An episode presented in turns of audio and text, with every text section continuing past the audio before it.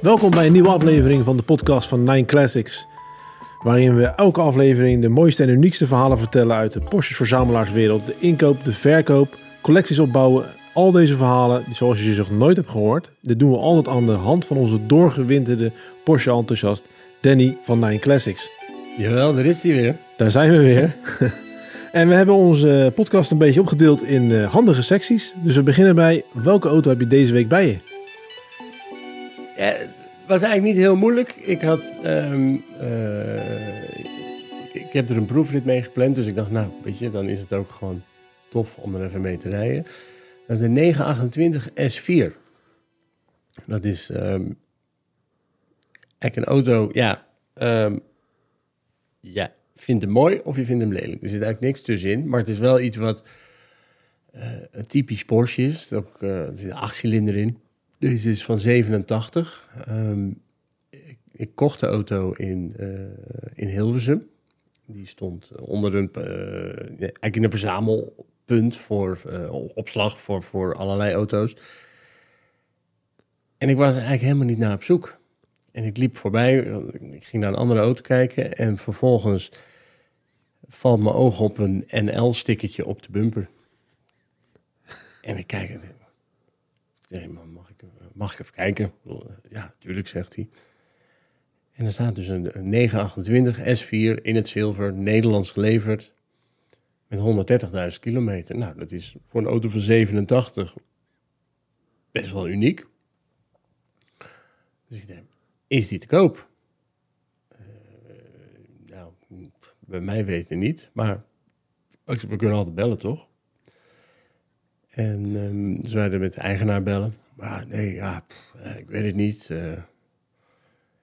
maar hij stond kennelijk daar ook al een behoorlijk tijdje, want de banden waren leeg. Dus precies, precies zoals je het niet wil. En uiteindelijk na twee weken belt hij op.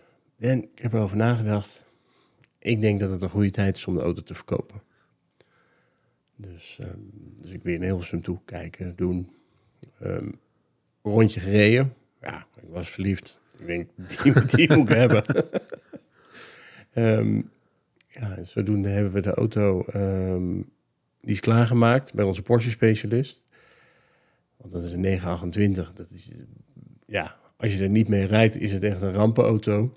Ehm, maar het is helemaal klaargemaakt. Ja, super ding om mee te sturen. En het is helemaal, eh, ik voel me altijd een beetje Don Johnson als ik erin zit. Een beetje Miami Vice. Ja, dat is ook wat waard. Ja, ja absoluut. Dus ehm, morgen een proefrit mee. Dus ik heb er nu een paar dagen mee gereden. Ook gewoon om het gevoel even te krijgen. En ja, het is zo gaaf. Het is echt tof zo'n ding. Nee. Nou ja, dat is goed om te horen. En eh navolging van, de, van onze vorige aflevering ging je kijken, was je bezig met een blauwe Targa. Klopt. Ik heb de auto bekeken. Mega mooie auto. Maar we zitten in een onderhandelings eh, dingetje. Dus dat, eh, dat, dat krijgt vervolging. Maar ja, Hij, hij is nog niet op de vloer. Nee, nee, nee, nee. nee. dus ik hoop dat dit jaar wel rond te maken. Maar eh, ja, het moet, inkooptechnisch moet het ook kloppen natuurlijk. Nee. En dan voor onze main story van deze aflevering. Als je 25 jaar voor het eerst die 928 is, dat dezezelfde 928? Klopt. Die, die, die meneer was de afgelopen week bij ons. En ehm hele aardige man. En dan, ja, je komt binnen, je hebt een klik en dat, dat, dat, dat voelt dan goed. En die man zei, ja, nee, ja, leuk. Ik heb al sinds dat ik klein ben, ehm, ben ik al gek van het model. Ik vind 911 mooi, maar dat is niet mijn ding. En uiteindelijk eh, is die ook al bij, bij best wel wat auto's wezen kijken. En ik zeg, maar heb je wel eens gereden? "Eh, nee. Ik zeg, nou, wat we dan eerst gaan doen, volgende week, gaan we eerst rijden. Ik want dan heb je de beleving, de emotie, waarvan ik zeker weet, als je gaat rijden, ben je enthousiast. Maar dan weet je waar je over praat. Want voor hetzelfde geld stap je uit en denk je, wat een hok is dit? dat kan gebeuren.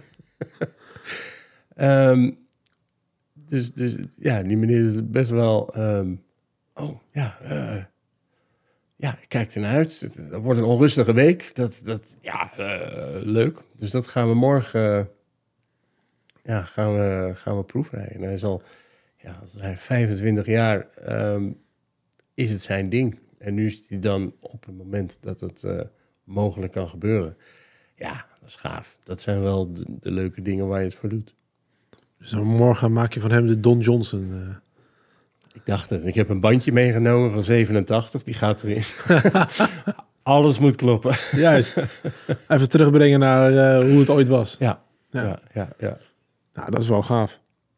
Nou, dan eh, pakken we die eh, weer de aflevering daarna terug als hij, als hij geweest is. Ja, absoluut. Ja. En je bent ook met die zoektocht bezig naar de Targa. De zilveren 993 Targa uit 96 of 98. Heb je daar nog wel updates over? Klopt. Ik ben bij twee auto's wezen kijken. Bij eentje was ik echt kwam aanlopen. Nee, dat wordt hem niet. dat gebeurt wel vaker. En bij een ander wezen kijken. ehm, die zag er op het oog wel mooi uit. Alleen als je dan detailtechnisch ging kijken. waren sommige dingen. Dat ik begon ik te twijfelen. En klopt het nou? Klopt het nou niet? Klopt het nou wel? En dan, ja, je duikt steeds dieper in zo'n auto en denk je, ja, maar dat ding klopt niet. Daar is wat mee gebeurd. Wel eh, in de zin van een schade, wel netjes hersteld. Maar ja, Zit toch niet helemaal lekker dan? het, het gaf mij niet het gevoel van... Ja, maar deze auto kan ik eh, blind aanbevelen aan, ehm, eh, aan degene die me de zoekopdracht gegeven heeft. Want ik moet ook bij een auto voor een ander... ja, moet je dezelfde kritische de lijst volgen eigenlijk... Die ik zelf ook doe. En je geeft ook het geld uit voor een ander. Want vaak worden die auto's natuurlijk blind aangekocht. Ja, dan moet ik wel eh 5000 procent zekerheid hebben. Ja, dat, moet je eigenlijk nog zekerder zijn, zeg maar. ja, kijk, als je voor jezelf iets koopt en eh, een bandje of een remmetje of bedoel, dat, dat vind ik dan niet van die dingen. Maar ehm, als je voor iemand anders koopt, oh ja, nee, er komt nog 1000 euro bij voor een setje banden. Dat kan je niet maken. Dus dat moet wel helemaal kloppen. Of je moet het allemaal dusdanig op papier hebben dat je het uit kan leggen waar dan straks het geld naartoe gaat. Ehm, inmiddels nog eentje eh, gevonden. Dus dan gaan we. ehm, dus zijn we nu met Porsche in overleg van, joh, wat is eraan gebeurd? Eh, wat, wat voor een historie zit erbij? Dus, eh, ja, daar gaan we volgende keer weer naar kijken. En staat hij in de buurt of valt het mee? Duitsland. Ah, oké. Dus dan moet je nog een beetje extra werk doen. Ehm, Voordat je erheen mag. Nou, kijk, die man zegt, joh, als jij vindt dat het goed is, moet je gaan. Maar eh, ja, ik, ik vind het wel fijn om gewoon een beetje goed huiswerk te doen. Niet dat we alleen naar Duitsland gaan voor de schnitzel en de curryworst. Dan is het ook wel lekker om met, met iets terug te komen. Ja, maar ik denk dat je ook als je zo'n zoekopdracht... Daar, daar- die man weet precies wat hij wil hebben. Dus Maakt het ook lastig, hè? daarom maakt het lastig. Maar daarom moet je duizend procent zeker zijn. Ja. Omdat je weet van, hij, hij- als, als die stoel niet klopt... dan ziet hij dat op moment één. Ja, want die heeft dusdanig veel huiswerk gedaan. Ja, dat, hij weet precies wat, wat er te koop is, wat erop hoort, wat niet, wat wel. Ja, dat moet gewoon kloppen. Ja. En we hadden ook eh, aangekondigd dat we bezig waren met een eh, wat diepere blik in de cijfers, want die hier allemaal voorbij vliegen. Ja, ik heb hier een lijstje voor me. Ehm, dat begint bij 901. Dat is eigenlijk het, het prototype van Porsche ehm, waarmee ze ooit zijn begonnen. Alleen eh 901 was een geregistreerd eh, cijfergetal van Peugeot. Dus die is eh, na de introductie is die in verweer gegaan. Van ja, jongens, hartstikke leuk, maar 901 gaat het niet worden. Dus ja, wat ligt het dichtst bij eh 901 eh, qua cijfers? Ja, 911. En dat is eigenlijk het begin van het legendarische getal. Dus, het is, dus Peugeot is eigenlijk de boosdoener. eh. Ja, slecht verhaal. en dan heb je vervolgens heb je een lijst, ja, die, die begint bij 901 en die eindigt bij 999. En dan, eh, ja, daar, daar zit van alles eh, tussen. Eh, voor ons bekende is het natuurlijk 928. En dat zijn dan de interne eh type namen die ze in de fabriek gebruiken. Want het is doorgaans, eh, ja, los van de 928 zijn de meeste natuurlijk allemaal 911 modellen. Alleen ze hebben meerdere uitvoeringen, benamingen. En zodoende kan je de 911, eh, het type, ja, kan je onderscheiden. Dus dan heb je 991, 997, 993. Eh, ja, wat, ik bijzonder vind, eh, ze zijn van de 993. Die is maar, gemaakt van 93 tot 98. Daarna is 996 gekomen, 997. En vervolgens gaan ze terug naar 991. dus er zit niet echt logica in. Dus ik ben ook benieuwd. Eh, inmiddels is de 992 ook gekomen. Eh, wat, wat komt er daarna? Wat is het volgende nummer? Dus wellicht zit er bij Porsche een logica achter. Maar al die eh, de, de type namen, die zijn weer terug te herleiden ja, naar een bepaald model. Oké, en het meeste van de Porsches zijn allemaal gebaseerd op de 911. 911. Ja. Alleen om het uit elkaar te halen, hebben ze de ze die- interne type namen bedacht. Om ergens een klein beetje logica in het, eh, In het gereel te houden. in het geheel te houden. Want Ja. anders wordt het ingewikkeld. Ja, nee, dat is het ook.